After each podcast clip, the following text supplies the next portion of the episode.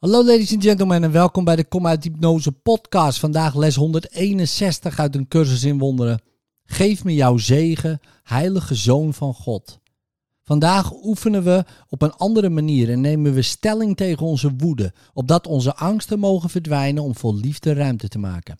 Hier is verlossing, in de eenvoudige woorden waarin we met het idee van vandaag oefenen. Hier is het antwoord op verleiding dat nooit kan nalaten de Christus daar welkom te heten waar angst en woede tevoren de overhand hadden. Hier wordt de verzoening compleet gemaakt, wordt veilig aan de wereld voorbij gegaan en de hemel nu hersteld. Hier is het antwoord van de stem namens God. Totale abstractie is de natuurlijke hoedanigheid van de denkgeest, maar een deel ervan is nu onnatuurlijk. Het beziet niet alles als één. Het ziet in plaats daarvan slechts fragmenten van het geheel, want alleen zo kon het de partiële wereld bedenken die jij ziet. Het doel van al het zien is jou te tonen wat jij wenst te zien.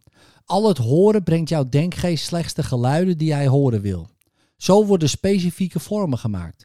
En nu moeten we specifieke vormen gebruiken bij het oefenen. We geven ze over aan de Heilige Geest, zodat Hij ze benutten kan voor een doel dat verschilt van wat wij eraan hebben toegekend. Toch kan Hij slechts gebruiken wat wij hebben gemaakt om ons vanuit een ander gezichtspunt te onderwijzen, zodat we in alles een andere toepassing kunnen zien. Eén broeder is alle broeders. Elke denkgeest omvat alle denkgeesten, want elke denkgeest is één. Dat is de waarheid.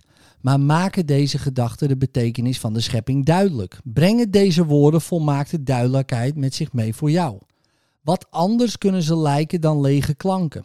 Mooi misschien, juist qua gevoel, maar fundamenteel niet begrepen, nog begrijpelijk. De denkgeest die zichzelf geleerd heeft concreet te denken, kan abstractie niet langer vatten in de zin dat ze alomvattend is.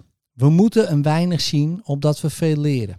Voor ons gevoel lijkt het het lichaam te zijn dat onze vrijheid beperkt, ons doet lijden en tenslotte ons leven uitdooft. Maar lichamen zijn slechts symbolen voor een concrete vorm van angst. Angst zonder symbolen vraagt niet om een reactie, want symbolen kunnen voor het betekenisloze staan. Liefde heeft geen symbolen nodig omdat ze waar is, maar angst hecht zich aan specifieke zaken omdat hij onwaar is. Lichamen vallen aan, denkgeesten niet. Deze gedachte doet zeker terugdenken aan ons tekstboek, waar deze herhaaldelijk wordt benadrukt. Dit is de reden waarom lichamen gemakkelijk een symbool worden van angst. Er is je vele keren dringend aangeraden om verder dan het lichaam te kijken. Want de aanblik ervan brengt het symbool van de vijand van de liefde naar voren, welke door Christus visie niet wordt gezien. Het lichaam is het doelwit van aanval, want niemand denkt dat hij een denkgeest haat. Maar wat anders dan de denkgeest zet het lichaam tot de aanval aan. En wat anders dan wat denkt aan angst zou de zetel van angst kunnen zijn. Haat is specifiek. Er moet iets zijn om aan te vallen. Een vijand moet in zo'n vorm worden waargenomen dat hij aangeraakt, gezien, gehoord en uiteindelijk gedood kan worden. Wanneer ergens haat op rust, roept hij even stellig om de dood als Gods stem verkondigt dat er geen dood is.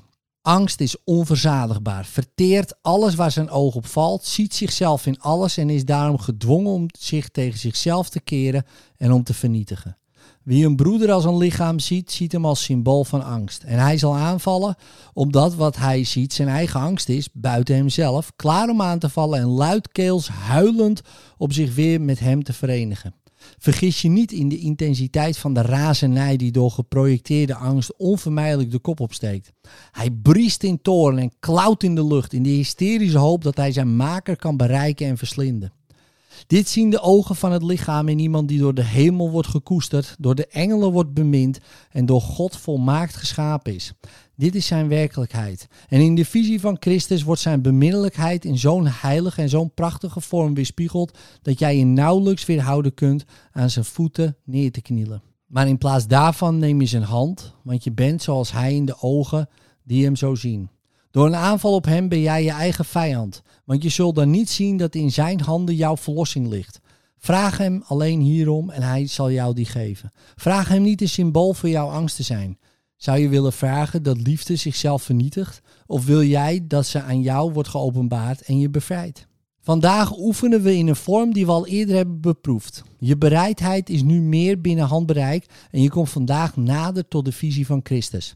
Als je vastbesloten bent die te bereiken, zal dat jou lukken vandaag. En als je er eenmaal in bent geslaagd, zul je niet bereid zijn de getuigen te aanvaarden die de ogen van je lichaam oproepen. Wat je zult zien, zal jou al oude melodieën toezingen die jij je herinneren zult. Je bent niet vergeten in de hemel. Wil jij je die dan niet herinneren? Kies één broeder uit als symbool voor alle anderen en vraag hem om verlossing. Zie hem eerst zo duidelijk als je kunt, in dezelfde vorm als die je gewend bent. Zie zijn gezicht, zijn handen en voeten, zijn kleding. Kijk hoe hij glimlacht en zie de vertrouwde gebaren die hij zo regelmatig maakt. Denk dan hieraan. Wat je nu ziet, verbergt voor jou de aanblik van iemand die jou al je zonden kan vergeven. Wiens heilige handen de spijkers kunnen verwijderen, die de jouwe doorboren en die de doornenkroon kan wegnemen die jij op je bloedende hoofd hebt geplaatst. Vraag hem het volgende, zodat hij jou kan bevrijden. Geef me jouw zegen, heilige Zoon van God. Ik wil je met de ogen van Christus aanschouwen en mijn volmaakte zondeloosheid in jou zien.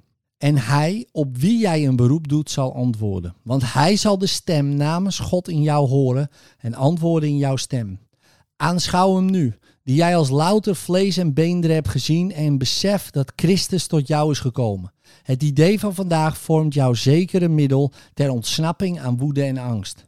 Zorg ervoor dat je het onmiddellijk gebruikt, mocht je in de verleiding komen een broeder aan te vallen en in hem het symbool van jouw angst te zien.